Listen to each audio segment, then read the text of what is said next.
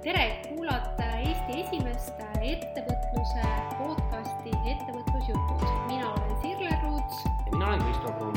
selles podcastis räägime ettevõtlusest ausalt, avatult ja läbi praktiliste näidete.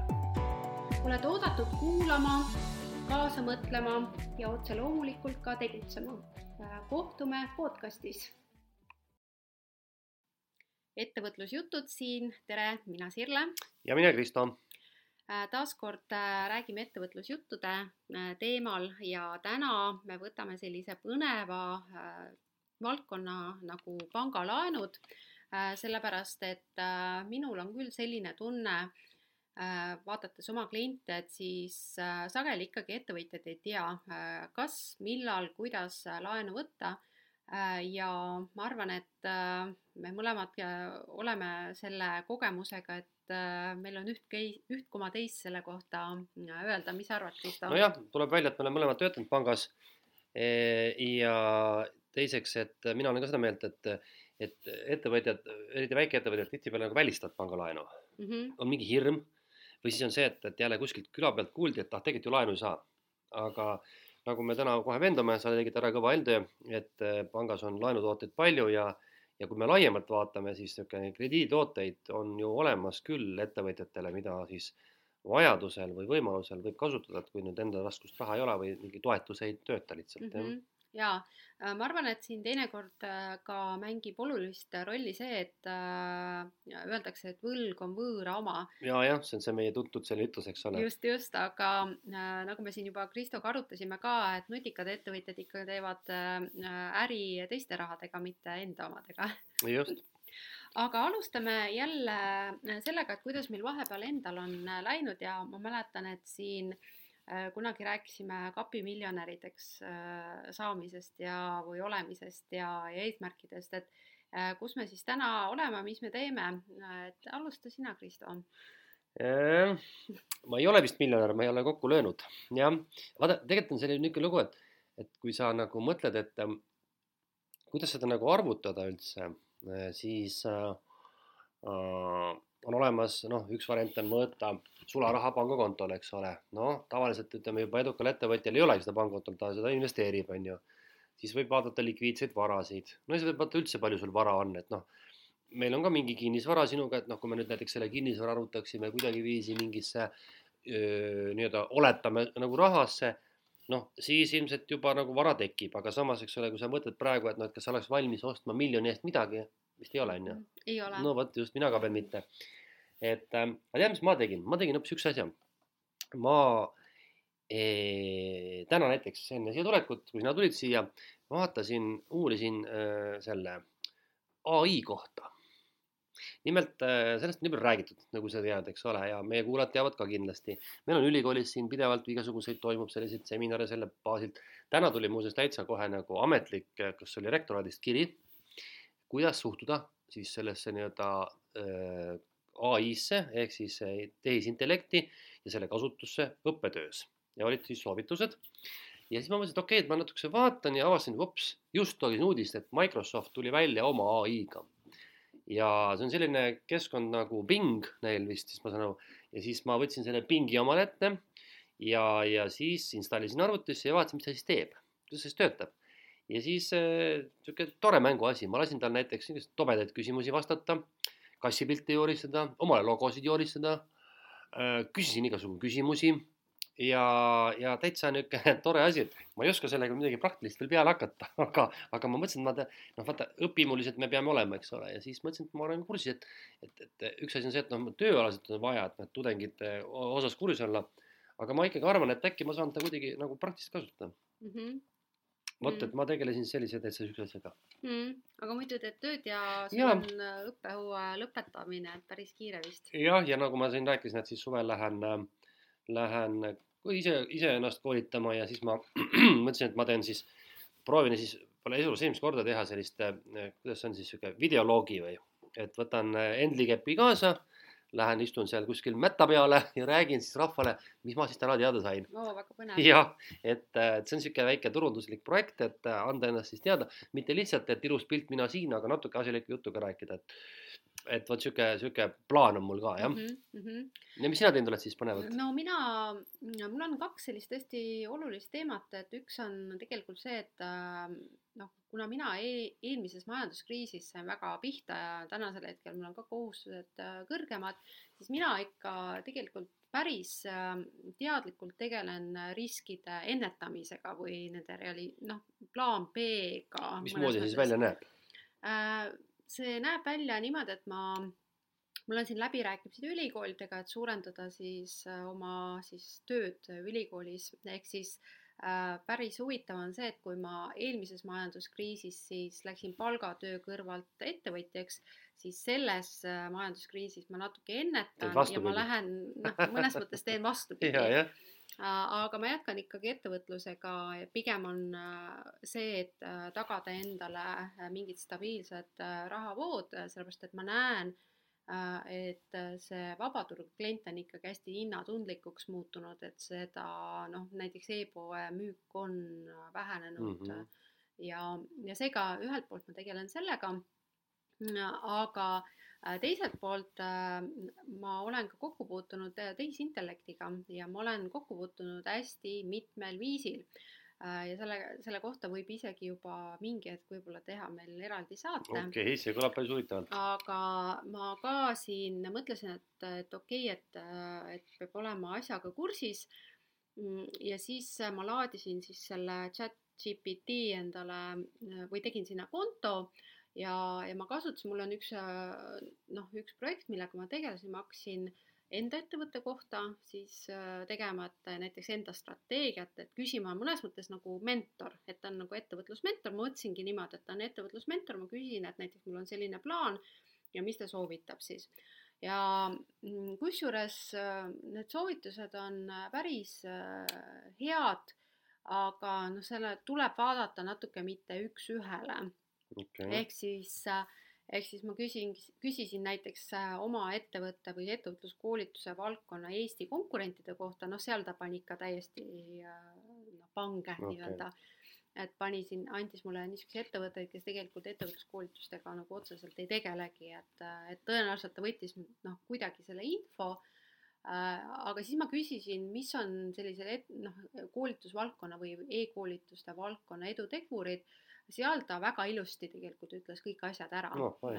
et äh, mis, mis muidu võib-olla tuleb niimoodi, et sa äh, siis guugeldad äh, ja loed mingi hästi palju erinevaid materjale ja siis sa saad selle pildi. seal siis tuli mingi, ütleme, et kahekümne sekundiga see info.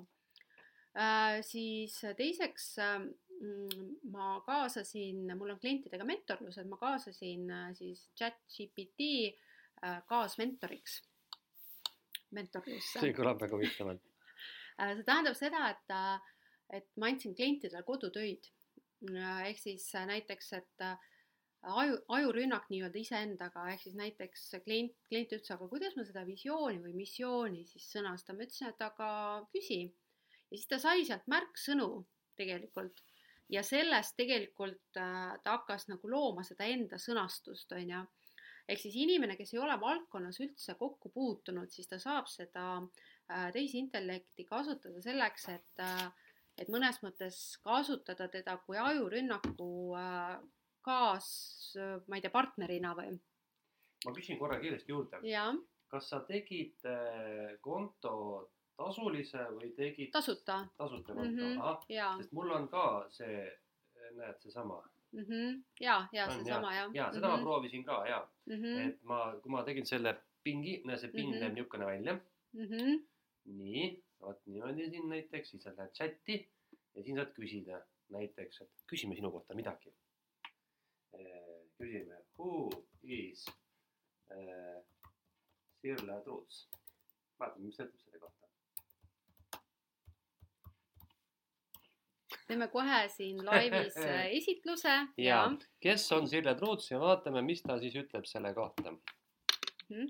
aga seni, kuni siis äh, ta seal mõtleb, mõtleb, et mida siis ilusti või või veelgi ilusamalt öelda, siis äh, näiteks täna mentorluse ajal siis äh, me ka kaasasime selle, selle siis chat GPT ja küsisime siis näiteks mul oligi klient, kelles, kes siis, meil oli kliendi teema ehk siis kes on mu klient ja siis me küsisime näiteks, et selles valdkonnas, kes on tüüpiline klient ja kusjuures ta ütles väga ilusti ära selle info, mida me eelmises mentorluses ajurünnaku käigus nagu tegime, aga ta ei suutnud öelda, kui me küsisime, kui palju neid kliente on, ehk siis ta statistikaga tööd ei oska teha tegelikult. sa kasutasid sama, seda varianti siis mm? -hmm. nii, vaatame, nüüd me vaatame, mis me saime teada.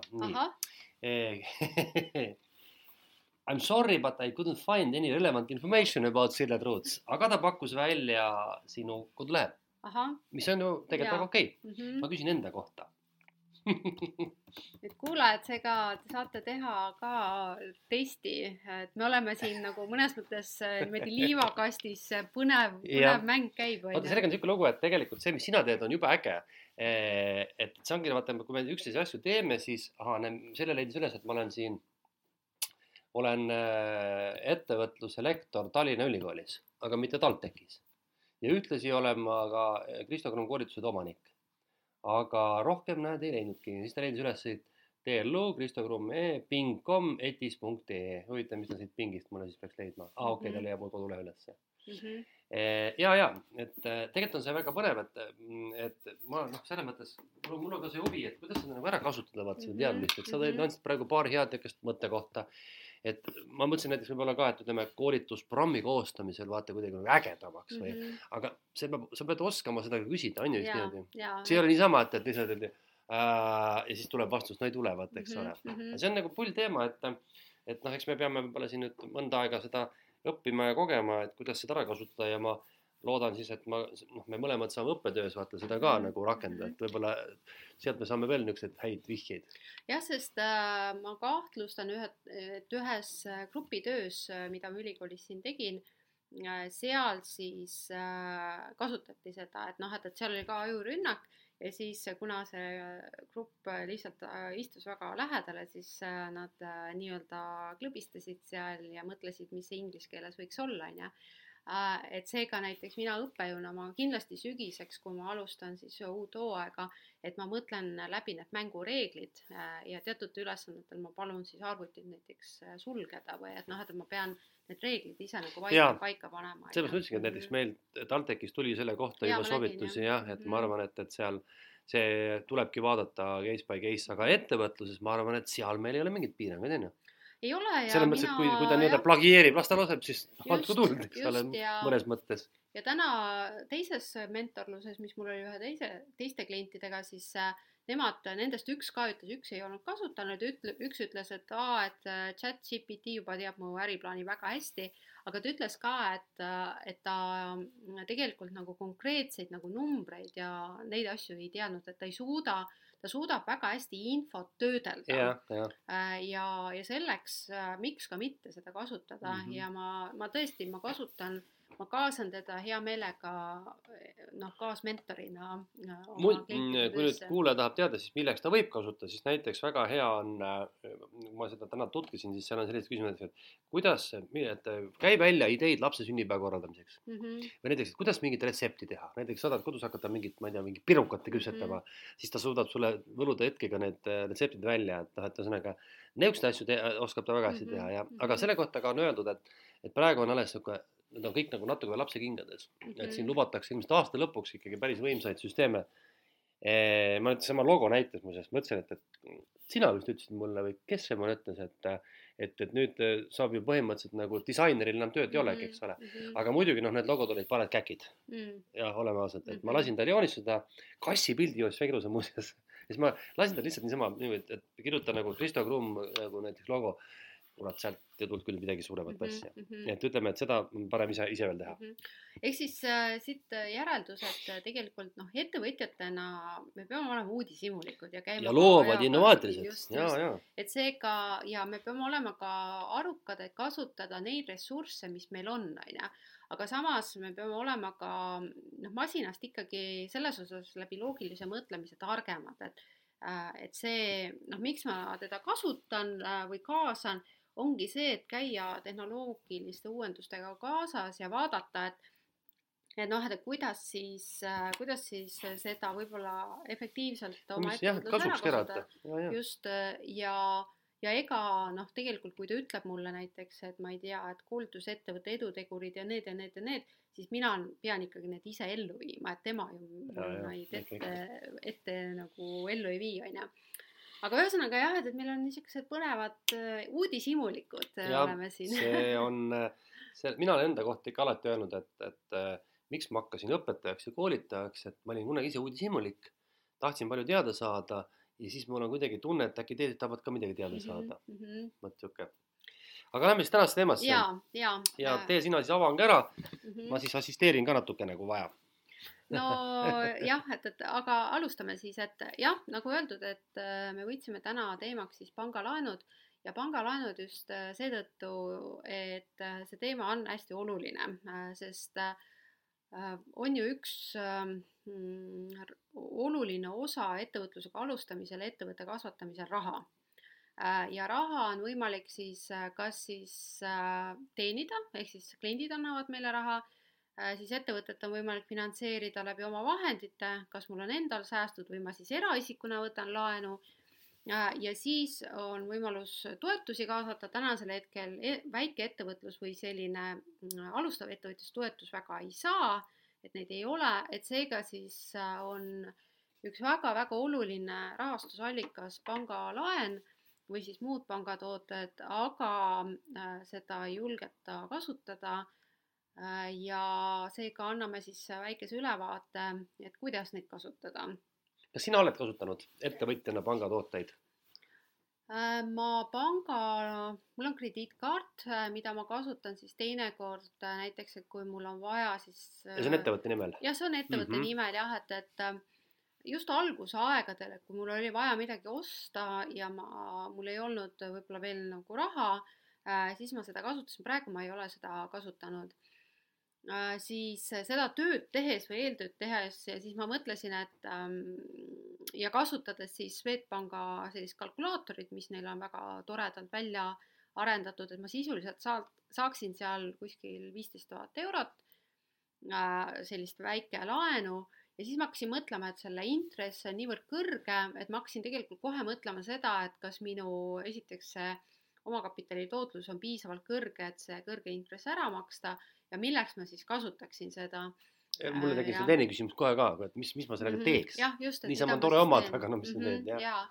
äh, ehk siis äh, alati peab laenude puhul ka olema see põhjus, on ju, aga miks siis äh, inimesed või ettevõtted vajavad laenu, minu arust on kaks äh, põhjust, et äh, sa saad kindlasti kohe täiendada.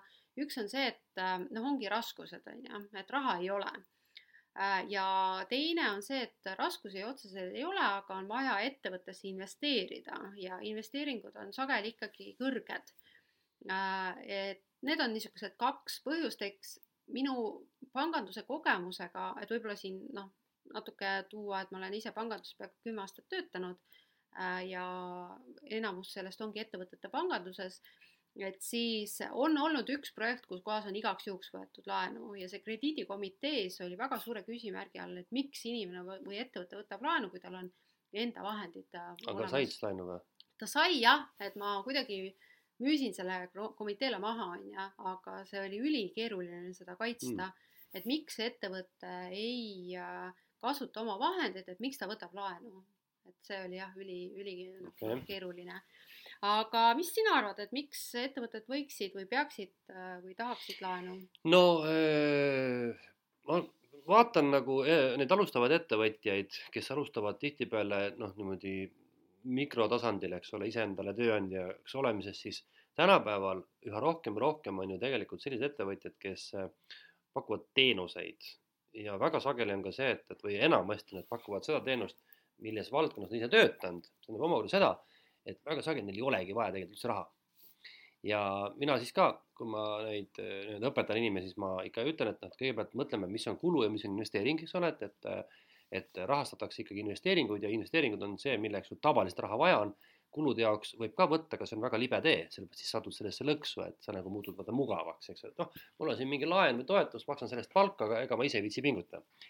nüüd äh, see tähendab seda, et, et ühelt poolt on täna see laenamine pigem sageli niimoodi, et isegi laenamine, raha kaasamine, et mis mul vaja on, et, et, et arvuti võiks osta, telefoni, mis, mis me veel saaksime sealt Töötukassast, umbes niisugune jutt käib. et noh, see on nagu tegelikult natuke nagu vale mõtlemine, et nagu peaks ikka mõtlema seda, et, et, et veel kord, sul on nagu raha selleks, et sa pead nagu investeerima.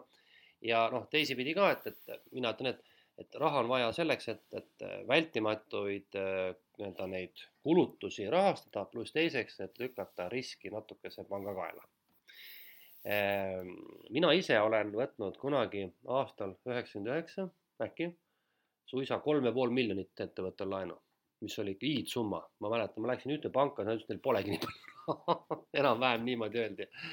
ja mina siis sain tolleaegse Hansapangast, kusjuures ma siis võin ka rääkida pärast teile panga toodet veel, mis ma siis tookord võtsin, aga see oli siis, tegelikult oli ta nagu liisingu nime all rohkem. ta oli siis vahe, liisingvahendid selleks, et rahastada põhivara ja mul oli siis tolleaegselt põhivaraks olid siis äh, elektri tootmises turbiinid ja generaatorid ja needsamad ja tookord oli siis niimoodi, et, et äh, vaja oli jah, kolm koma neli miljonit ja pärast jäi veel puudu, kolmsada tuhat oli veel vaja muuseas. ja siis ma needsamad varalise tagatiseks ja lisaks oli siis minu teise ettevõtte tagatis ka veel mm. -hmm. ja, ja siis oligi niimoodi, et kui ma nüüd mõtlen tagantjärele, et milleks see vaja oli, siis noh, ilma selle laenuta poleks ma saanud mitte midagi teha et ma võtakski, võikski niimoodi öelda, et, et ega klassikaline näide on see, et, et sul on selline ettevõtlusplaan, kus sul lihtsalt on nii palju raha vaja, et sa mitte kuskilt seda mujal muud, muud moodi kätte ei saa mm. -hmm. noh, panga puhul on muidugi oluline see, et pank alati tahab taga, tagatist, et, äh, et juhul, kui tagatist ei ole, äh, siis äh, kas siis käenduse näol, käendus siis saab vähem raha või siis mingi kinnisvara näol, et siis äh, või siis seadmete näol, et, äh, et siis, siis jah, aga lähme selle teemaga edasi, muidu me hüppame siit ühest kohast teise. et vaatame siis seda, et kes siis ettevõtetena laenu saavad ja siis me vaatame kõik tooted läbi, mis need on ja siis võikski iga selle toote puhul Äh, siin arutada, et näiteks, et kas see sobib siis alustavatele või tegutsevatele, äh, ehk siis teeme väikese sellise laenukoolituse mm -hmm, mõnes okay. mõttes.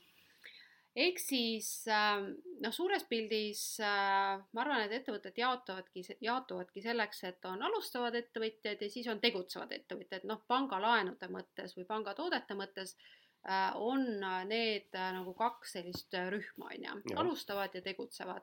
et seal ei ole sellised mikro, väike, ehk siis jah, et, et seal sõltub see laenu suurus nüüd sellest, et milline, millise suurusega ettevõte sa oled, aga üldiselt on jah, on nagu alustavad või siis tegutsevad, oled sa nõus sellega? laias laastus küll jah, et võib-olla isegi niimoodi, et et, et võib-olla mitte isegi pangatoodete mõttes niimoodi öelda, vaid ütelda, et noh, et, et millal ettevõtjal võiks vaja minna mm, -hmm. jah, just, just mm. -hmm, just äh, ja need äh, erinevad tooted, neid on väga palju tegelikult äh, pangas, mida siis on võimalik taotleda, et alustame sellistest kõige väiksematest summadest ja lihtsamatest toodeteks ehk siis esimene selline pangatoode, kuidas on võimalik siis oma äri finantseerida äh, ja eelkõige just alustavad ettevõtjad äh, tegelikult äh, on krediitkaardid.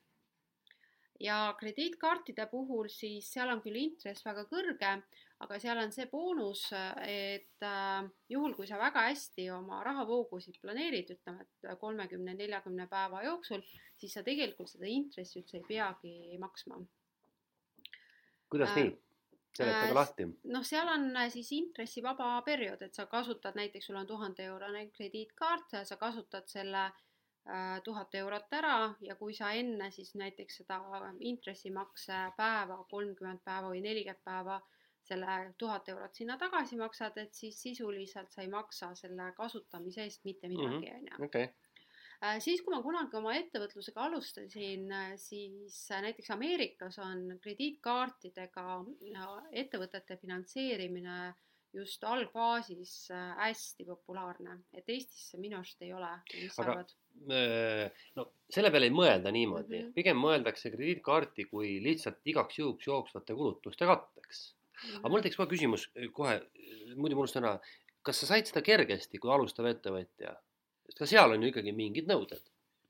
Äh, minu arust ma sain küll, sellepärast et äh, seal äh, kas sul oli ka muidugi eraisiku mingi ajalugu vist pangast taga? jah, jah, et ma võtsin samast pangast. et ilmselt selle natuke see Mhm. krediidi nagu ajalugu mä- mä- mängis ka jah, rolli ja jah seal ma ei mäleta, ma mingit, see on nüüd nii pikka aega tagasi, et ma mingit sellist käendust ega midagi sinna ei andnud, aga tavaliselt ongi, et kui on endal selline hea krediidi ajalugu, et siis sa lihtsalt äh, pakud siis ettevõtjana, juhatuse liige pakub käenduse mm mm. -hmm. -hmm. ja siis on võimalik saada tegelikult iseenda selle krediidi ajaloo pealt on ju seda. ega sul muud ju valikut polegi, kui sul on null ettevõte just, just nii et ühesõnaga, et, et jah, esimene soovitus on, on selline krediitkaart või tegelikult ma ei tea, kas sul on see kuskil nimekirjas, on ju ka tegelikult arvelduskrediit jah, selleni me jõuame okay. siit äh, samm-sammult mm. -hmm. minul ei ole krediitkaarti küll ettevõtjana. Mul on küll näiteks, ma toon näite, mul on näiteks kütuse krediitkaart, Mm -hmm. noh, mis on midagi sarnast. on jah, sama Jah,, sama asi tegelikult. et eh, see on, ma kasutan seda täpselt niimoodi, et toome näite. mul võib olla olukord, kus ma noh, näiteks sõidan kliendi juurde, et raha tuua, aga raha ei ole, et bensiini osta siis ma saan Mhm. osta selle krediitkaardiga, ma maksan järgmisel kuul, eks ole. Mm -hmm. nii et noh, mõnes mõttes on sarnane jah. Mm -hmm. et seega noh, kui alustavad ettevõtjad tahavad äh, näiteks äh, alustada, neil ei ole raha, siis äh, noh, krediitkaart võib olla üks, noh, ma siia isegi tooks juurde äh, selle, et, äh, et noh, see küll ei ole krediitkaart, aga alustajad saavad ka näiteks liisingut, et seal on see seade ise on tagatiseks Mm -hmm. ehk siis võib-olla krediitkaardi kõrval või sellele järgneb siis, kui me räägime alustavate finantseerimisest, siis äh, täiesti tavaline seadmeliising, ehk siis näiteks kui on vaja arvutit või, või printerit äh, või siis isegi mööblit äh, või siis mingit tarkvara, siis, siis liising, seadmeliising käib väga kiiresti ja, ja seal on tagatiseks seade ise ja seal noh, teinekord võetakse ka käendus siis ka juhatuse liikme sõltub jah sellest taustast, eks ole mm. -hmm. aga noh, autoliising on inimesed kõik enamus kokku puutunud, vähemalt Mhm, teavad mhm. ma arvan, et seadmeliising on natukene võõras ja ega tegelikult eraisikutele klassikaliselt ju seadmeliisingut ei ole, mistõttu kui noh, ütleme, kui tõesti nüüd ettevõtja esimest korda läheks nagu panga näiteks kodulehele, siis ta kindlasti peaks vaatama, et ta läheb, sukeldub siin nagu ärikliendi nii-öelda siis sellesse Mhm. vaatesse ja siis ta kindlasti leiab, et on olemas niisugune asi nagu jah, seadmeliising jah. Mhm. no mina olen seda kasutanud, nagu ma ütlesin jah. mm. -hmm. sest seadmeliisingu puhul ongi see, et teinekord näiteks alustav ettevõtja mõtleb, et et jah, et ma tahan hakata ettevõtjaks, mul on vaja siis näiteks midagi osta selleks, et noh, näiteks ongi arvuti on ju, mul on vaja arvutit mm. -hmm. võimsamat arvutit näiteks selleks, et ma ei tea, mingite programmidega ühildada, aga mul ei ole, võimsad arvutid maksavad noh, tuhat viissada, kaks tuhat eurot, et mul ei ole seda raha, et siis siis tegelikult ongi mõistlik võtta see seadmeliising. Ja mina tegelikult alustasin oma ettevõtlust, kui ma alustasin kunagi majanduskriisis kaks tuhat kaheksa ja ma hakkasin pakkuma raamatupidamisteenust, mul oli niisugune periood elus, kus kohas noh, ma tulin eelmisest tööst ära, järgmist tööd veel ei, tähendab oli, aga, aga mul oli niimoodi, et ma seda pangaarvutit ei saanud isiklikuks otstarbeks kasutada, on ju, sellel ajal hästi suured piirangud, on ju. ja siis oligi see, et ma võtsin selleks, et hakata pakkuma siis äh, raamatupidamisteenust ja äriplaanide koostamist, siis ma mäletan, et ma võtsingi seadmeliisinguga arvuti. sa võtsid firma nimele siis ja juba? võtsin firma nimele mm, -hmm. ma maksin, ma väga hästi mäletan, see oli kuskil viiskümmend eurot kuus või oli isegi, või oli kolmkümmend, sest ma mäletan, et ma tegin niimoodi, et mul oli esimeste klientide raamatupidamisteenus oli kolmkümmend eurot vist oli kuu, et ma saingi, arvestasin, okei okay,, et mul on vaja vähemalt ühte klienti. kes maksab selleks, kinni. et, et, et see, et see klient maksab mulle arvuti kinni, on ju. Mhm, nii on jah. ja et, et seega noh, need, kes näiteks plaanivad, ma ei tea, toetust taotleda Töötukassast ja tuleb eitav vastus ja siis, et ma ei saagi nüüd alustada, et tegelikult see ei ole päris tõsi et juhul, kui kaasata ikkagi väliskapitali, siis ma pean kohe mõtlema sellele, et see ei ole tasuta raha mm, -hmm. et ma pean tegelikult kohe ka kliendi saama, et kui ma võtan, on ju, mingi kohustuse, et siis, siis tegelikult võiks sinna tulupool juurde tulla, on ju. Mhm. noh, seadmeliisingud saavad noh, väga suureks abiks on just, just alustavatele ettevõtetele, aga ka tegutsevad äh, et seal on need summad äh, on ikkagi, võivad olla päris suured, noh nagu sa ütlesid, said. Äh, kolm ja pool miljonit jah, ja, jah, ikka, ikka jah mm -hmm. noh, järgmine toode äh, on siis mikrolaen või väikelaen. mis sa sellest arvad?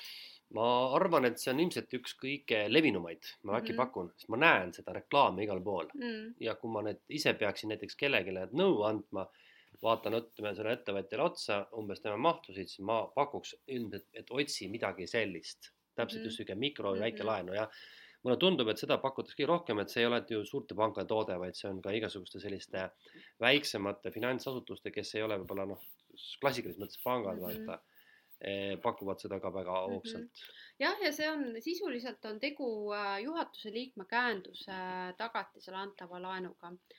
Äh, ja ja need summad on erinevad, näiteks äh, noh, et LHV pakub seal, noh, vähemalt praegu on ju, võib-olla kui inimesed kuulavad kahe aasta pärast podcast'i, siis on see muutunud.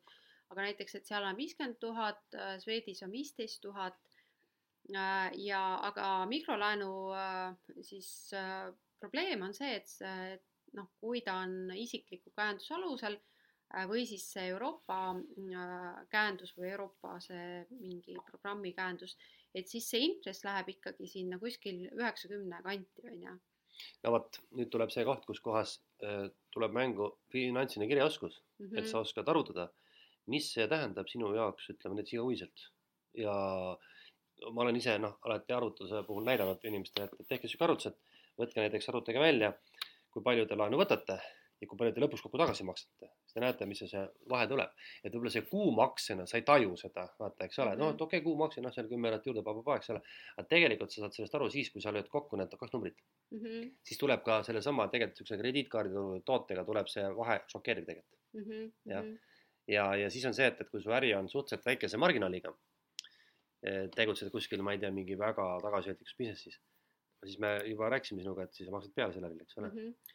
just, et äh, see finantskirjaoskus tegelikult on ääretult oluline, kui me räägime võõrkapitali või laenude, liisingute kaasamisest, et et näiteks äh, mida see intress tähendab, on ju, et kui ma võtan näiteks äh, noh, ütleme, et üheksakümne protsendiga aastas näiteks laenu, et taha, et teha oma äri, on ju.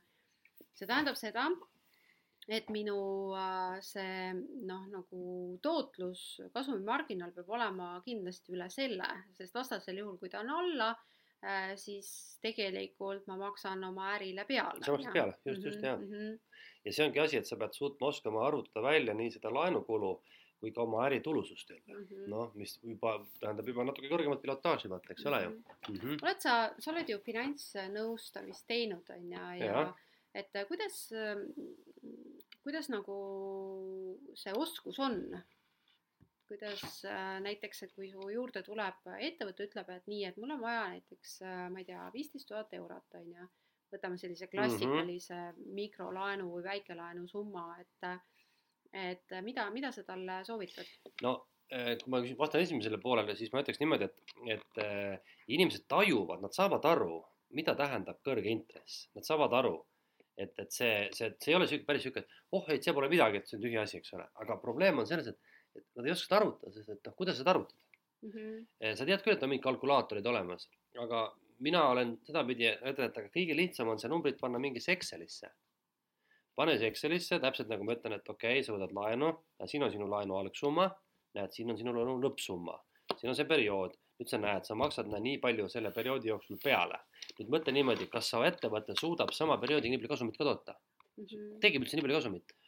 kui sa maksad kümme tuhat ära intressiks ja kogu su perioodi kasum on viis tuhat, siis kust see ülejäänud viis tuhat tuleb, eks ole, noh, saad isegi aru mm. -hmm. et, et äh, tegelikult ei ole seda, ma arvan, et seda oskust nagu seda, kuidas seda arutada, tajutakse küll, mis on mm -hmm. suur asi, jah. -hmm. aga mis ma ütlen neile, noh, see ongi see, et, et, et, et kui sa, kui sa, kui ma tean ka, et intress on kõrge, siis ma ei hakka üldse pakkuma või noh, ma juba eos ütlen inimesele, et sinu äris ei ole seda mõtet võtta, sellepärast just nimelt, et ma näen, et sinu äri on nii väikese marginaaliga, et sa lihtsalt maksad sellele peale mm. -hmm. et tuleb nüüd leida mingeid muid võimalusi. ja noh, see muu võimalus võib vahel olla see, et äkki saab ilma hakkama äkki ei ole seda raha vaja, äkki saab ilma. hakkad kasvõi jupikaupa, noh, sina võtsid praegu ütleme arvutile ja selle laenuliisingu, no äkki saad näiteks sõbra käest laenata tasuta arvuti, noh, toome näite, eks ole mm. -hmm. Jah, sest äh, pangas, kui ma töötasin, siis äh, järgmine toode on meil stardilaen äh, siin näitena, mis on siis natuke suuremate summadega ja see on riigi ehk siis KredEx või MES-i käendusel, see tähendab seda, et ettevõtte omanik siis käendab kakskümmend viis protsenti ja riik käendab seitsekümmend viis protsenti, et piltlikult öeldes sa saad laenu maksimumsumma on sada tuhat eurot kakskümmend viis protsenti siis omanik vastutab ja seitsekümmend viis protsenti nagu riik vastutab selle eest, et, et toetab nagu nii-öelda. aga see kakskümmend viis ongi omafinantseering, eks ole noh, see on see omaniku käendus, et aga... see ei ole omafinantseering. aa, okei okay,, see pole käend-, see pole sisse, sa saad ikka sada tuhat. ja sa saad sada tuhat, aga mm. kakskümmend viis protsenti sellest mm -hmm. käendad ise omanikuna või omanikud. aga mis seal intress on ka? Äh, seal on siis intress, ähm, noh, ta ei ole minu arust kodulehtedel ma ei näinud, aga minu praktika, kui ma kunagi, ma olin ise pangas selle tooteprojekti juht, äh, siis ta oli seal, ütleme keskmiselt viis protsenti pluss Euribor, tõenäoliselt on noh, siin ongi viis-kuus. no mina mäletan, et äh, mul on paar korda kliendid seda küsinud ja siis ma mäletan, et enne suurt tõusu oli ta seitse protsenti. Mm, mhm. sest ta on pankades erinev, äh, sest seal on jah, on see panga intress, see on siis tavaliselt ongi seal viis protsenti mhm võib-olla ka mõnes on alla, äh, siis on see, mida siis pank äh, peab maksma KredExile, et võib-olla seal oligi seitse protsenti oli koos selle KredExi tasuga. ma arvan, et oligi jah, ja, ja mm. -hmm. ja siis on veel pluss siis Euribor on ju mm -hmm. otsa. noh, see toode on tegelikult ähm, noh, väga hea toode, et see on, aga seal on piirang, et see ettevõte saab olla tegutsenud kuni kolm aastat, ma vaatasin see tingimus. ta on ikka alustav ettevõte. jah, ta on pigem alustav ettevõte, aga minu kogemus, kui ma monitoorisin neid äh, ettevõtteid, kes võttis seda laenu, siis ütleme niimoodi, et väga paljud jäid ikkagi võlgnevusse. vähemalt sellel ajal, et see on nüüd kuus Aa, aastat tagasi. okei okay,, nad ei jaksanud tagasi maksta. jaa, äh, sest okay. kui noh, alustav ettevõtja võtab nagu nii suure kohustuse äh, Äh, siis äriplaan ikkagi peab olema väga vettpidav, on ju. et see mm-hmm. peab olema läbimõeldud, et näiteks kui mina mõtlen praegu, et äh, okei okay,, KredEx äh,, KredEx annab näiteks oma käenduse tagatisel mulle äh, sada tuhat eurot, on ju. et siis äh, see tähendab seda, et mul tekib tegelikult metsik, on ju, laenu tagasimakse kohustus kohe, on ju tähendab seda, et mul peaks äh, selleks, et seda laenu võtta, ma julgeks ainult siis võtta, kui mul on sisuliselt äri niivõrd kindel, et see on juba mingite eelkokkulepetega tagatud, on ju, see rahavoog, on ju. Mhm. Äh, sest äh, noh, kui ma nägin neid projekte mm, siis pangas, siis ikkagi oli see väga selline sageli õhinapõhine, on ju mm. muidugi väga paljud ei saanudki seda laenu, sellepärast ma mäletan ühte projekti kus kohas taheti laenu võtta selleks, et äh, maksta palka müügiinimesele, et kaasata müügiinimene kuueks kuuks äh, ja, ja siis äh, võtta siis pangalaen ja maksta seda töötasu. noh, tundub nagu loogiline. aga kust see tagasi oleks pidanud tulema siis? vot ja see projekt sai eitava vastuse, sellepärast et, et noh, tekkiski riskide inimesel tekkiski küsimus, et aga mis saab peale kuut kuud, on ju et, äh, et kes siis müüki teeb, on ju. muidugi see ärimudel oli selliselt üles ehitatud või oli ootus see, et noh, et siis on kliendid nagu pardal ja siis nagu müüki ei pea enam okay, tegema. siis nagu iseenesest läheb juba. jah, et, et aga äris niimoodi no, ei, ei saa jah noh, aga kui me räägime stardilaenust, siis äh, seal on vaja juba jah, äriplaani koostamist äh,. kas eelnevatel ei olnud äriplaani vaja, näiteks sellel väikelaenul ei ole vaja? Äh, seal on niimoodi, noh, mis mina avastasin meeldivalt, et ähm, näiteks äh, Swedil on olemas kalkulaator, kui sa oled äh, Swedbanka klient, siis ta arvutab, paned sinna mingid näitajad olemas või sisse, seal on ju, pank teab sinu ju konto väljavõtet. Ja siis minule näiteks ütleski, et jah, et, et ma saan nagu seda noh, näiteks viisteist tuhat eurot. Ja ja see on siis äh, minu kui juhatuse liikme käenduse ja äriplaani pole vaja põhimõtteliselt. jah, äriplaani mm -hmm. vähemalt noh, tõenäoliselt nad küsivad, ma arvan äh,, noh, et milli-, millega mille jaoks tegeleb, mille ja, jaoks, noh, see on tavaline, sest pank peab olema vastutustundlik, mhm, on ju, et -hmm. et äh, seega noh, see need küsimused ikkagi, ma arvan, et tulevad pangast okay,, et see on okay. loogiline okay mm. -hmm. Mm, kas sa näiteks, kui sina peaksid võtma stardilaenu, mis arvad stardilaenust? noh, see on niisugune summa, ütleme, kui sa ütlesid sada tuhat oli või mm? -hmm. see on niisugune juba täitsa ju arvestatav summa. aga noh, näiteks ütleme, kinnisvara sellest ei osta, sest kinnisvaraga sa ei tooda tagasi seal on isegi need äh, piirangud, minu arust kinnisvara ei saagi osta okay,, et seal on noh, teatud piirangud, need on need Euroopa Liidu piirangud mm, -hmm. et noh, mhm. teatud valdkondades näiteks jae- ja hulgimüüki ei saa äh, seal seda raha ja mis seal veel, noh, seal on mingid, mingid valdkonnad, mida okay. mis ei saa, on ju. no vot, nüüd, nüüd tulebki, nüüd tuleb seal see piirang peale, et ja kui see intress on sama ka veel, ainukene eelis, ma saan aru, on see, et see enda risk on väike mm, -hmm. aga minu jaoks praegu see ei tundunud väga motiveeriv olevat mm. -hmm. sest et äh, ma pigem mõtlen niimoodi, et, et ma ikkagi, ma loodan selle tagasi maksta ja ma loodan ka selle peale, et äh, et ma suudan seda tagasi maksta, siis ma pigem mõtlen sedapidi, et kuidas saada seda mugavalt, kiiresti, soodsalt ja ilma suure bürokraatiata mm. -hmm. ja seetõttu ma võib-olla praegu intressi mõttes eelistaks hoopis neid, neid väikelaenusid sealt mm, -hmm. eks ole, näiteks jah, sest äh, stardilaenu puhul äh, peab äh, äriplaani koostama. muidugi ütleme niimoodi, et iga ettevõtja peaks ikkagi oma äriplaani teadma, et selles mõttes, et selle, kui see oleks takistus, on ju, laenu taotlemisel, siis see on väga halb takistus. seda kindlasti ja, ja seda kindlasti aga..., ma tean, et see on tihtipeale takistus mm. -hmm. inimesed mõtlevad mugavamalt, eks mm -hmm. ole, ja mina ka mõtlen mugavalt, et kuidas saada mugavamalt mm. -hmm Äh, aga seal tekib jah see probleem, et, et kui sa üldse pole läbi mõelnud, siis näiteks kui sina oled praegu panga see laenu mhm. nüüd Valdur mul siin vastas, küsid mul mingeid vastikud ebamugavaid küsimusi, ma ei oska midagi vastatagi, siis noh, siis ma olen pärast et kurat mm -hmm. miks sa küsid mhm. lollakaid küsimusi, eks ole. jah, just, et äh.... ja, et saaks aga vapsi, anna vapsi, kui ma vaatan pärast, eks ole. Mhm, okei, aga ei no ma tean jah, ma olen sellest ka sellest laenust kuulnud, et mina ise ei ole äh, iseennast ei ole rahastanud sellega aga mõned minu koolitusel käinud inimesed ja keda ma tean, on küsinud selle kohta, ma ei tea, mis edasi on saanud. jah, mul pole selle kohta mhm, andmust, jah. mm -hmm.. noh, järgmise tootena, mis on äh, pigem, ähm, kui eelnevad kolm olid rohkem sellistele alustavatele ettevõtetele äh, ja sellistele mikroettevõtetele suunatud, äh, siis järgmised sellist kaks põhitoodet on tegelikult tegutsevatele ettevõtetele. Ja üks on, ongi see arvelduskrediit no sellel on väga palju nimesid, ta on käibekapitalilaen, käibekrediit või siis arvetu, arvelduskrediit. Ja selle põhiline eesmärk on siis finantseerida rahavoogusid. see tähendab seda, et mul on jooksvad siis tulud ja kulud äh, ja, ja selleks, et maksta kulusid, äh, mu tulud veel ei tule noh, näiteks on klientidel pikad maksetähtajad või siis on hooajalisus, et mul on mingil hooajal põllumajandusettevõte näiteks. jah, just, just, just, jah. on äh, need rahavood nagu sissetulekud mm -hmm. väiksemad, et siis ma tegelikult võtan siis arvelduskrediiti või käibekrediiti selleks, et äh, siis sellel madalal hooajal ma saaksin oma kohustused ilusti ära maksta.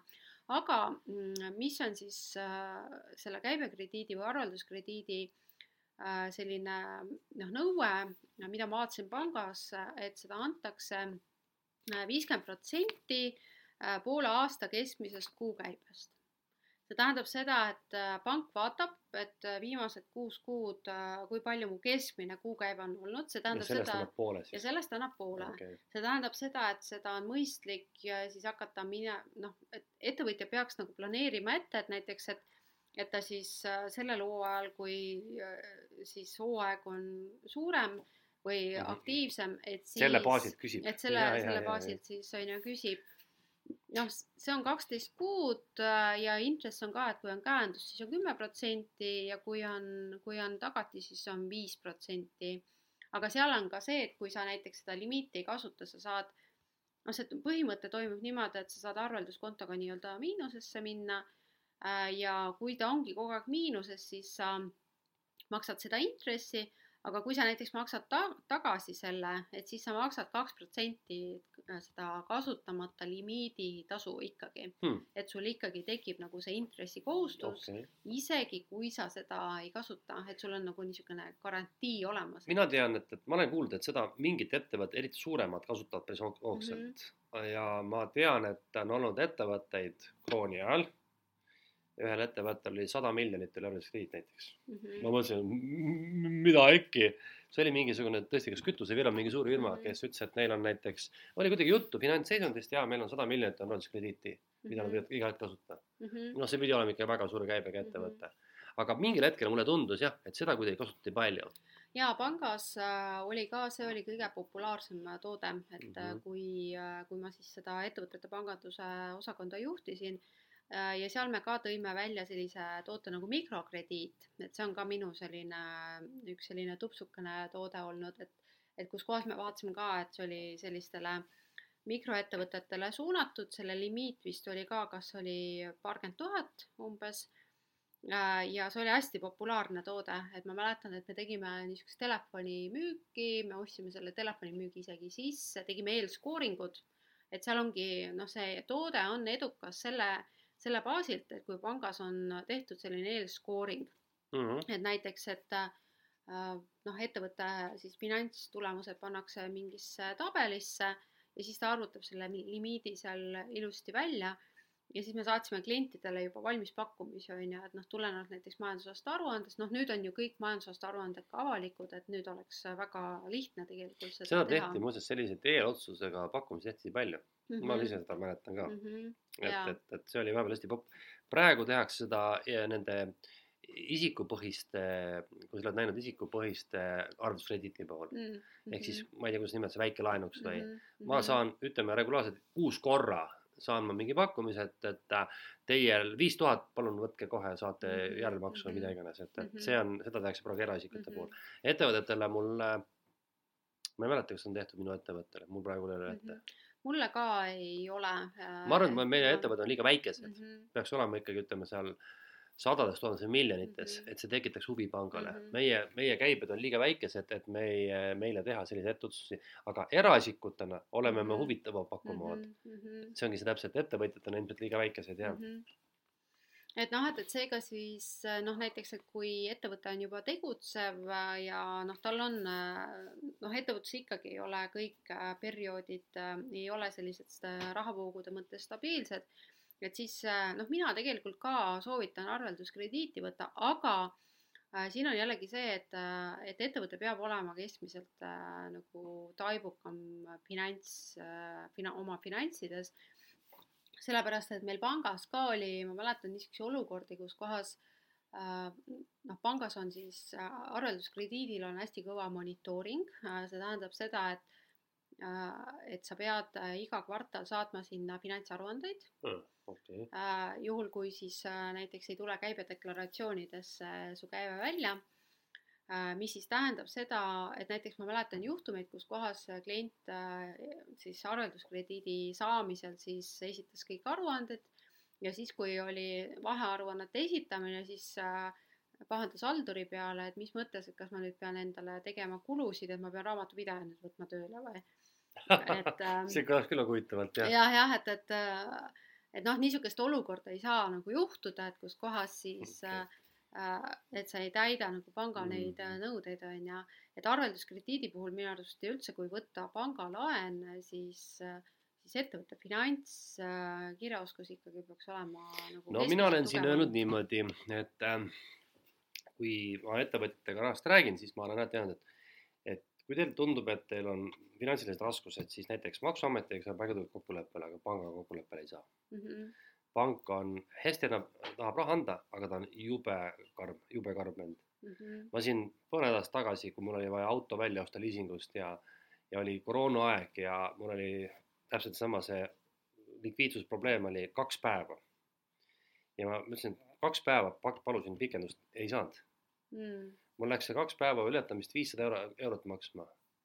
ja täpselt oli, kaks päeva hiljem maksis klient raha ära, ma oleks valmis olnud auto välja ostma. ja no täitsa pektis sealt ära, no täitsa hullumaja, no ma olin nagu niimoodi mõtlesin, et ma ei tea, ma lähen räägin selle panga direktoriga, kes ta nagu ei saa üldse aru, mis toimub väljas, meil on koroona praegu, et ettevõtted pankrotti absoluutselt ei huvita. mhm. et selles mõttes pank, noh, ma ei, ma ei arva, et kõik pankurid teavad seda väga hästi, see ei ole mingit ilustamise üldse mõtet. pank on ilge kuramuse hai, täiega, no ta on ikka röövel hai. aga samal ajal ta päästab jälle paljusid, jah mm. -hmm. nii et, et äh, maksuamet on selle kõrval ikka väga leebe, leebe poisike. mm. -hmm. et võib-olla noh, inimesed ei tea, ei tea, et mis, mis maksuameti, mis, kuidas see puudutab siin seda asi selles, laenumi, et, ja laenamist. et kui sa näiteks jääd rahaga võlgu, eks ole mm. -hmm. siis maksuametiga saad sa paluda kohegi pikendust. ja see käib tihtipeale automaatselt mm -hmm. ja enamasti isegi ei küsita sult mingit tagatist ja mitte midagi, sa lihtsalt maksad intressi. aga kui sa pangale nagu võlgu jääd, siis see võib noh, see on nagu üsna, üsna keeruline, keeruline värk mm. -hmm. jah, ma mäletan äh, siis, kui ma ise kaks tuhat kaheksa olin majanduskriisis ja mul ei olnud sissetulekuid ja ja, ja käisin siin Soomes koristamas, et oma laene maksta ja äh, enne panka tööle minekut. ja, ja siis ja mul oli ka, kuna ma olin noh, finantssektoris töötanud pikalt, et ma teadsin, mis juhtub siis äh,, siis ma ka panga asjad maksin äh, kõige ennem ära mm. -hmm. ja siis ma jäin äh,, võlgu jäin korteriühistule, et ma teadsin, et see on nagu kõige niisugune mm -hmm. leebem et noh, et, et, et kus kohas ma saan nagu natukene noh, planeerida seda, aga panga puhul noh, ma teadsin, et seal, seal jah, et, et, et ta on nagu hästi karm ja seetõttu me ei taha siin üldse kuulajaid nagu selles mõttes šokeerida, aga lihtsalt, et see kohustus on kohustus ja, ja noh, panga, pangalaenu kohustus. ütleme, ütleme nii, et ma, ma tahan öelda seda, et, et panga, ütleme, Maksuameti puhul on võlgnevust hästi hea ope, nagu manageerida, opereerida. et sa teed lihtsalt äh, Maksu- ja Tolliametis vastava taotluse, ajatad oma makset ja, ja kõik. pangaga käib see palju kohmakamalt mm. -hmm. jah, sa ei saa niimoodi, et noh, ütleme piltlikult niimoodi, ma võin vaadata peale näiteks, ütleme, meil on kümnendal on, eks ole, maksutähtaeg, oletame. ja ma võin üheksandal vaadata, kuri vaid mul ei ole raha. ja ma võin sellesama üheksanda õhtul teha taotluse, paluda pikendust ja ma saan kohe selle pikenduse mm. -hmm. pangaga kui ma teatan üks päev ette, see on kööga, noh, saad aru mm, -hmm. siis, siis see on juba hilja, ma peaks seda juba kõvasti ette teatama mm. -hmm. aga muuseas, ma hüppan korra vahele, ma ootasin, kas sa pakud selle toote välja, sa vist ei paku välja, üks toode, mida mina olen kasutanud. ma ei tea, kas on see nimekirjas, selle nimi on sales leaseback tehing ja ma pangas või pangas jah, et see on siis äh, jah, kuidas, kuidas ta eesti keeles on see müü-, müü-, müügi ja liisingtehing, eks ole mm, -hmm. mina olen seda kasutanud mm. -hmm. see on vähetuntud teenus jällegi Mm -hmm. ja ma räägin selle siis loo ära enda näitel, et äh, miks seda kasutada, et see on mõeldud ettevõtetele, kes ei saa laenu. sellepärast, et kas nende laenu koormus on täis, neil pole tagatist või on veel mingi kolmas põhjus ja minuga juhtus siis täpselt seal üheksakümnendate lõpus niisugune lugu, kui mul oli vaja seda suurt laenu võtta ja me võtsime, ostsime need seadmed ära ja siis tuli välja, et aga kolmsada tuhat on ikka puudu. ja pank ütleb, et me ei anna seda rohkem laenu, sellepärast tagatist ei ole, saad aru, noh, et seadmed ei võimalda rohkem, mida me liisingu võtsime. ja kuna me noh, ise ka noh, midagi muud ei ole, siis mõtlesime, et aga oot-oot-oot, aga mul on seesama, see, see asi, see firma asub kinnisvara peal ja ma ei taha nagu hüpoteeklaenu, vaid et kas seda kinnisvara kuidagi saaks kasutada ja siis tegime niisuguse triki, et ühesõnaga siis see on siis niimoodi, et see on, seda nimetatakse ka vara vabastamiseks, ajutiseks vabastamiseks. või siis öelda, sa, sa müüd, mina müüsin selle kinnisvara pangale, Mhm. jäädes ise selle kinnisvara kasutajaks. ja seda kunagi tehti ja siis ma Mhm. maksin seda jupikaupa tagasi ja see oli nagu ütleme, see on nagu iseenda vara nagu tagasiostmine mm. -hmm. ja ma olen seda hiljem ka kasutanud, äh, küll mitte enam ise ettevõtjana, aga minu ettevõttel oli kunagi sihuke olukord, kus ma töötasin palgatöötajana, et tohutu likviidsuskriis oli, papp oli puudu ja siis nii-öelda mindi panka rääkima ja pank siis uuris, kas teil on mingit vara. päriselt teie enda vara ja oli mingi päris suure summa eest oli vara, mingi sada miljonit oli kroonides. et variant oli, et see sada miljoni eest vara müüa pangale. Loomulikult sa sada protsenti sealt ei saa katta, et sa saad mingi, mingi summa ja siis pank annab sulle sellest raha vastu. siis sa saad kohe raha käiku panna, vara jääb sinule ja sina põhimõtteliselt maksid tagasi mm. -hmm. praegu on kõige levinum, lähim toode sellele on autolaen, oled sa Mhm. kuulnud? Mm -hmm. et sa saad oma auto tagatisel laenu, aga autoga sõid ikka ise edasi. Mm -hmm. ja seda nimetati sales leaseback tehinguks jah. Äh, ja noh, sama on tegelikult äh, seda sama toodet nagu kasutatakse autodes näiteks, et sa ostad äh, noh, välismaalt auto, maksad ise, ostad selle välja ja siis sa tuled ja müüd selle liisingule äh, ja siis sa saad nagu vabastada oma varalt äh, jah, see ongi raha vabastamine vara, vara, endale kuuluva varalt jah. Äh, kinnisvaras seda enam ei saa teha kunagi, kui ma alustasin oma karjääri ühes laenukontoris, siis see oligi kinnisvaraliising, oli Mhm. selline toode Mm -hmm. Ja siis noh, ma nüüd täpselt ei mäleta, see on juba kakskümmend aastat tagasi, siis seadused muutusid, et seal oli see minu arust see käibemaksuseaduse muudatus, kus kohas enam liisingfirmad äh, lihtsalt, äh, neil ei olnud võimalik äh, nagu seda, seda kinnisvaraliisingut nagu pakkuda ja siis see lõpetati ära. et jah, et aga seadmete vastu saab. ja seadmete ja seadmete saab, et noh, ma ütlengi, et näiteks toome niisuguse näite, millal see meile ettevõttele sobiks, et kui ütleme näiteks, on mingi ettevõtja, kes soovib äriga alustada, tal on üks auto või mingi masin, mida ta kasutab ettevõtluses, tal üldse raha ei ole, siis on teoorias võimalik pakkuda seda vara nii-öelda müügiks pangale. tegelikkuses annab pank sulle selle vara tagatisel laenu lihtsalt, Mhm. on ju no need on jah, liising, ettevõtted ostavad seda jah, aga liising teeb Mhm. seda jah, et, et see on siis sihuke liikuva vara. see peab olema selline põhivara ettevõttes, mida sellel ettevõttel on selliselt vaja, et ta ilma selleta hakkama ei saa, siis Mhm. liisingul on see nagu garantii, vaata, et ta ei müü seda maha, eks Mhm, ole ju. mhm. või ta ei kanna seda maha või sellega midagi ei juhtu. aga see on ka sihuke üks variante, mida ma olen isegi hilisematel soovitanud, et mul on olnud aegade jooksul mõni ettevõtja, kellel on väga väärtuslikku vara Mhm. tegelikult mingid seadmed, mingisugused masinad, mis kuuluvad tema endale. ja siis ma ütlengi, et võta see firma arvele ja siis proovi, kas sa niimoodi saad panga eest raha. Mhm, mhm. jah, sellepärast, et äh, ettevõtluses on äh, ka edutegur see, et äh, seda vara kõige efektiivsemalt kasutada on ju. ikka ja just, just ja ka see on ka tegelikult kasutamine jah. Mhm. nii, ja kas meil on veel mingeid ja, ja laenutooteid? siis on investeerimislaen, noh, see on nagu selles mõttes selline tavaliselt ikkagi, noh, seda kasutatakse kas investeerimisvaldkonnas, need kõik kinnisvara investeerimisfirmad kasutavad seda, et et seal on siis tagatiseks on kinnisvara, sa saad laenu seal sõltuvalt siis sellest kinnisvara asukohast ja väärtusest. noh, tavaliselt äh, on, seda nimetatakse LTV-ks ehk siis ähm, nagu noh, ta on loan to value, kui ma õigesti mäletan, et et kui palju siis laen on sellest väärtusest, ütleme, et minu arust ärilaenutoodetel on see kuskil seitsekümmend viis protsenti, vähemalt ma noh, kunagisest ajast tean, et et seal panga noh, laenutoodetel ettevõtetel ei ole niimoodi, et sa saad üheksakümmend protsenti Mhm, tagatisvarast, et tavaliselt on ikkagi ta umbes seal seitsekümmend viis või siis maa, maa puhul isegi viiskümmend protsenti. Et seega noh, investeerimislaen, noh, selle eeli, eelis on muidugi see, et see on äh, tavaliselt viieks või kuni kümneks aastaks isegi, et ta on pikem. no need pigem on jah, ja summad on ka hästi suured ikka, me räägime siin ikka sadadest miljonitest võib-olla, eks ole, just, just ja ikka, ikka. just, no ja siis on jah, faktooring, garantiid, faktooring on siis arvete finantseerimine, see tähendab seda, et et, ähm, et kui näiteks minu äris on niimoodi, et mul on siis äh, klientideks äh, on, ostjateks on, ma ei tea, Apollo ja Rahva Raamat on ju. Ja näiteks äh, kui seal oleks tähtaeg, oleks Eestis on tähtaeg, maksetähtaeg hästi lühikesed, noh, kolmkümmend, nelikümmend päeva on, et äh, või siis noh, ma ei tea, seitse või neliteist, et äh, noh, raamatupoodidel mul on vist kolmkümmend tööpäeva või tööpäeva vist jah, või nelikümmend viis, et siis äh, sisuliselt see tähendab seda, et faktooring, et ma, et mul on hästi, ma ei tea, selge on see, et Apollo ei jää mulle võlgu, et selleks, et mul näiteks oleks vaja see Apollo raha saada kätte nädalaga, mitte pooleteise kuuga, siis äh, ma müün selle arve nii-öelda pakale jah. äh, faktooringu ettevõttele ehk liisingu ettevõttele, kes maksab mulle näiteks, et mul on, ma ei tea, sada eurot see arve äh,. faktooring maksab mulle seitsme päevaga selle ja siis see Apollo äh, maksab siis Apollo või sellele äh, sellele liisingu ettevõttele neljakümne viie päeva mm Mhm, -hmm, pärast, et mhm. see tähendab seda, et, et ma lihtsalt maksan selle arvetöötluse tasu ja intressi, see on sarnane siis äh, liisinguga on ju. aga sellega vist Mhm. on niimoodi, et seda nagu jällegi väga väiksed ettevõtted ei saa minu teada. Nad saavad äh, või on ta nad liiga kallis ma ei on ole ise, ma ei ole, ma ei ole faktooringut ise väikeettevõttele kunagi võtnud.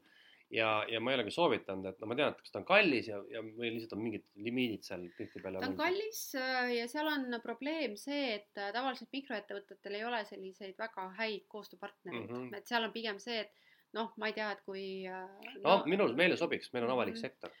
jah, et meil näiteks jah, jah, näiteks Töötukassa see on väga kindel partner. jah, et mm. -hmm. seal on ju kinnitud, kinnitud kirjad, aga noh, õnneks seal on maksetähtaeg nii lühikesed, et seal ei ole mm. -hmm. Vaja, et noh, võib-olla kui jah, maksetähtajad oleksid, ma ei tea, kolm kuud vähemalt, et siis ma isegi kaaluks äh, seda, sellepärast Jah, noh, jah, kui sul äh, püsivalt. mhm, just.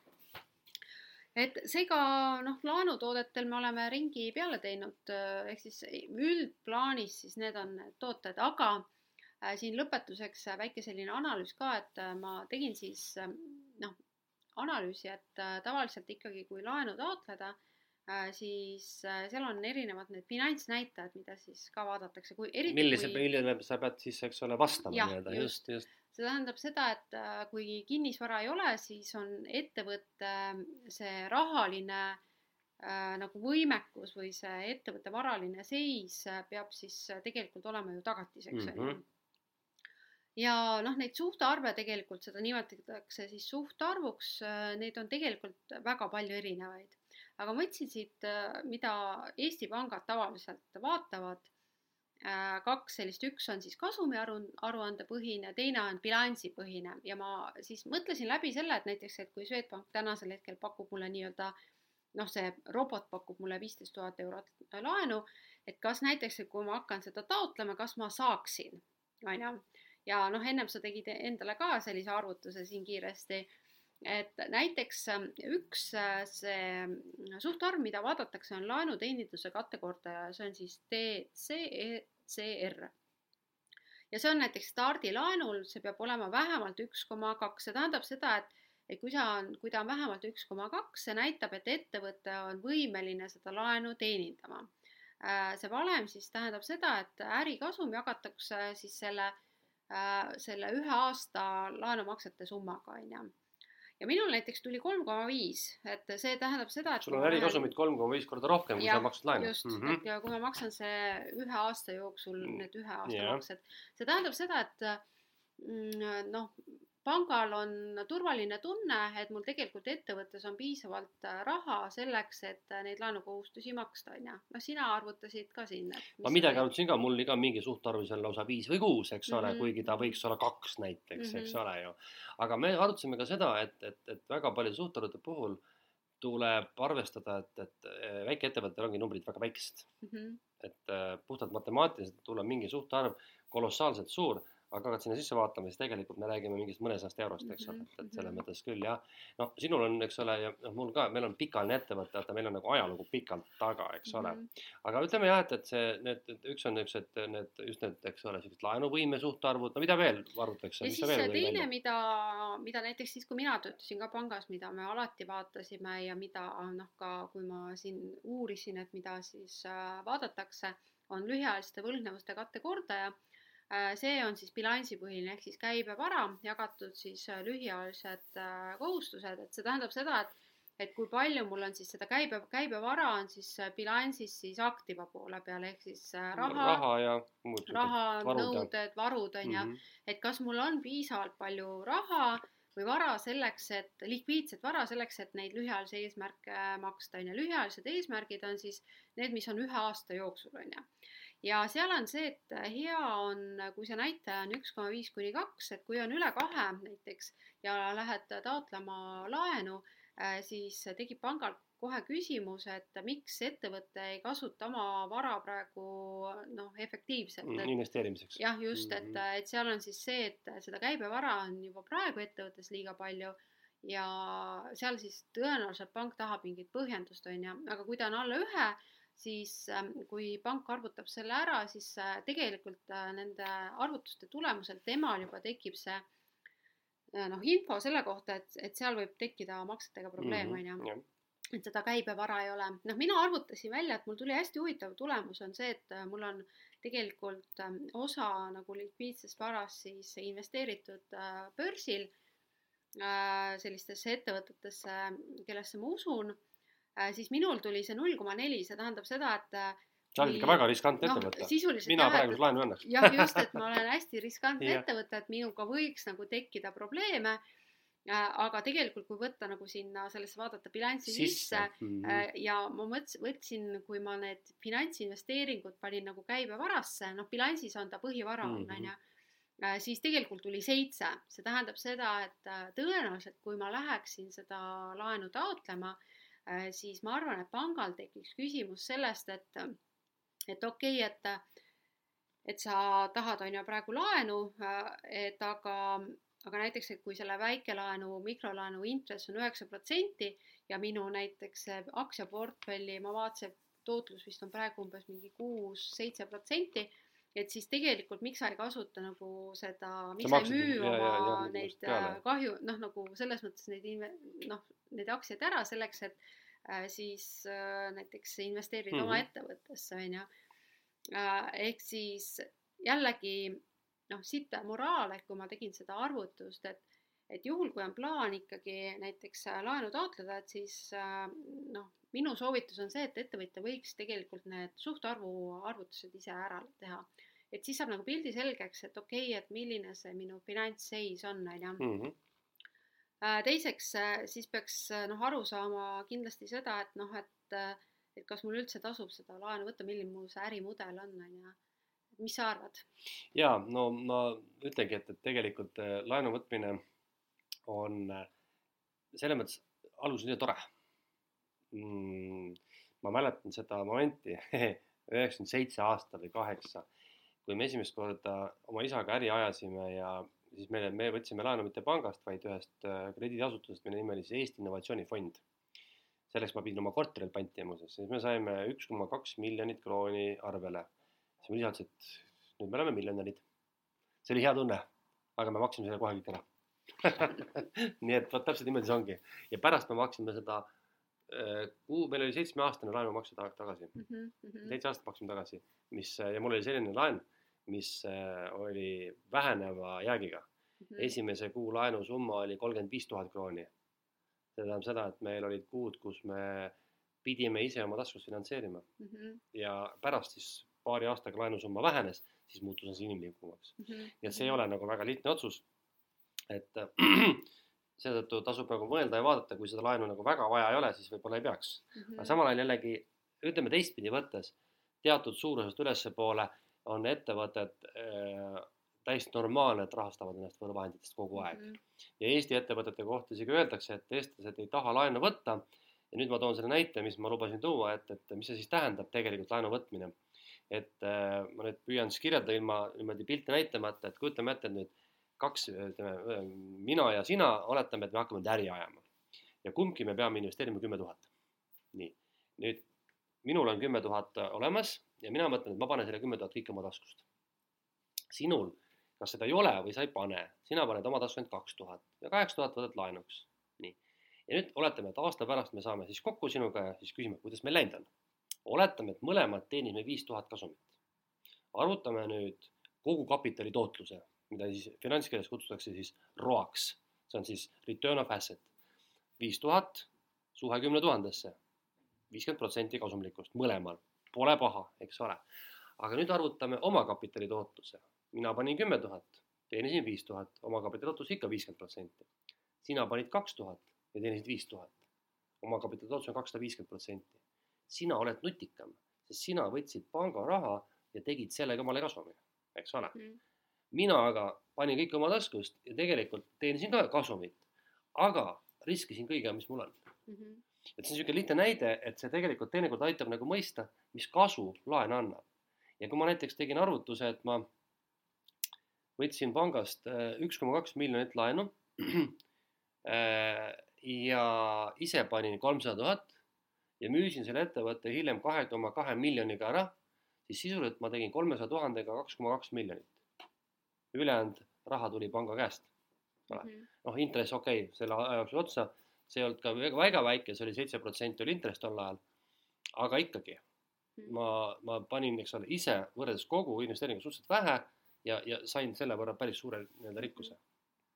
ja noh, teiseks muidugi äh, panga kaasamine on tegelikult ka seetõttu äh, noh, teinekord väga hea, et keegi täiesti objektiivne inimene, kes ei ole armunud äh, sinu äriideesse, äh, vaatab selle üle ja tegelikult, kui ikkagi panga finantsosakonnast või tähendab mitte finants, aga riskide osakonnast äh, see äriplaan läbi läheb ja nad ütlevad, et jah, et, et ma annan sulle see sada tuhat eurot on ju, näiteks stardilaen, KredEx ka veel käendab, on ju, et siis, siis tegelikkuses annab ka teatava kindlustunde Mhm, et, keegi äh, sinusse ka, et jah, et, et see potentsiaal on tegelikult olemas, on ju. just, see on, see on jube õige märkus sul, et muidu on see, et me ise arvame, et meil on nii äge, äge asi, Mhm.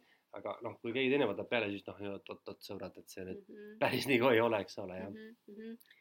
et seega noh, lõpetuseks siin ähm, noh, mida soovitada, on see, et ähm, noh, minu selline ikkagi soovitus on see, et äh, kui kaasata on ju võõrkapitali, et siis äh, siis äh, seda peaks pikaajaliselt ette planeerima, et mitte see, et noh, laen ei ole selline, noh, ta võib olla ka tuletakahju kustutaja, sellepärast et kui nagu tulekahju on, kahi on, et siis no kuidagi tuleb seda on ju kustutada, aga ütleme, et tark selline laenu kaasamine ikkagi peaks toimuma pikaajaliselt planeerides, et näiteks, et et kui sa tead, et pank vaatab, on ju, finantssuhtarve, see tähendab seda, et ma näiteks tänasel hetkel juba vaatan, et okei okay,, et et äh, milline minu see bilanss ja kasumiaruanne on, on ju, kuidas ma saan seda äh, siis niimoodi kujundada, et äh, mitte nüüd valetades, on ju, et kuidas ma oma ettevõtte raha nagu planeerin, on ju. Mhm. ja siin on hea näide sellest, et, et ma eelmine aasta siis taotlesin ise kodulaenu ja mul läks pangas tegelikult ülikiiresti, sellepärast et, et ma sisuliselt tegin kogu finantsanalüüsi oma selle ettevõtte peale ma saatsin panka, ma lõin nagu endale eraisikuna plaan A, B, C, et ma tegin riskianalüüsi oma makse nagu võimekuse kohta ja sisuliselt mul pangast ei tulnud mitte ühtegi vastust. noh, selles mõttes küsi-. no küsimusi no vot. et, et seega selline noh, nagu jah, laenu kaasamine peaks olema ikkagi pikaajaline protsess ja siis ta on meeldiv tegelikult aga noh, muidugi laenu, laen on kohustus, mis on vaja tagasi maksta, on ju. Mhm. ja vahel Mhm. muutub ta üsna koormavaks. Eh, ma, minu enda kogemus ütleb, et, ähm, et ärilaenu puhul ta ei olegi nii hull, eralaen on tihtipeale koormavam. Mhm. eralaenu maksad sa iseenda sissetulekust, see on sinu jaoks täiel määral kulu. Mhm. aga ärilaen eh, on sisult ikkagi see asi, mis sulle on tootnud väärtuse, vaata, see on Mhm. natuke teistmoodi asi. Mhm. autoliising on raudselt kulu nii ettevõttele kui eraisikule, aga ärilaen, investeerimislaen on tegelikult ettevõtte jaoks ikkagi tihtipeale märksa, kui ta ei ole mingi üle mingi määra, mingi üle võimete võetud, siis ta on tegelikult palju mugavam maksta tagasi ja, ja palju nagu lihtsam, kui seda on eralaenu Mhm, mhm. no siin vahemärk, see autoliising, juhul kui sõita, ma ei tea, taksot, et siis teine asi, hoopis teine asi, on jah, aga lihtsalt on, selleks, et, et noh, nagu minulgi, et on niisugune lihtsalt töövahend, siis ta tegelikult, ütleme, et okei okay,, mul on ka suhteliselt väike autoliising, et ma noh, ütleme, ei koorma mind see väga. Mhm, jah. mhm, täna on inimeste kodulaenud sellised, ma mõtlen, et oi jumal küll, ei taha mõelda, eks ole. mhm. jah, aga mm, samas on äh, antud nagu võimalus, et kodulaen on küll ajutiselt nagu kõrge, aga samas äh, noh, ühel hetkel on see vara nagu olemas, on ju. aga siis võtame siis äh, tänase mm, teema äh, kokku, et äh, planeerige äh, siis laenu kaasamist ette ja, ja tegelikult noh, tsiteerides minu enda õp- õppejõu Paavo Siimanni siis ähm, ütlust, kui ma olin magistriõppes, et targad teevad äh, äri teiste rahadega, rumalad enda Mhm. rahadega, et, et seega ärge siis seda laenu nüüd kartke äh, vaid olge lihtsalt targad ja nutikad äh, ja mõelge oma äriplaan läbi, et muud ega seal keerulist ei olegi. just, teeme nii, aga Aga edu! juttudeni siis. just, kõike head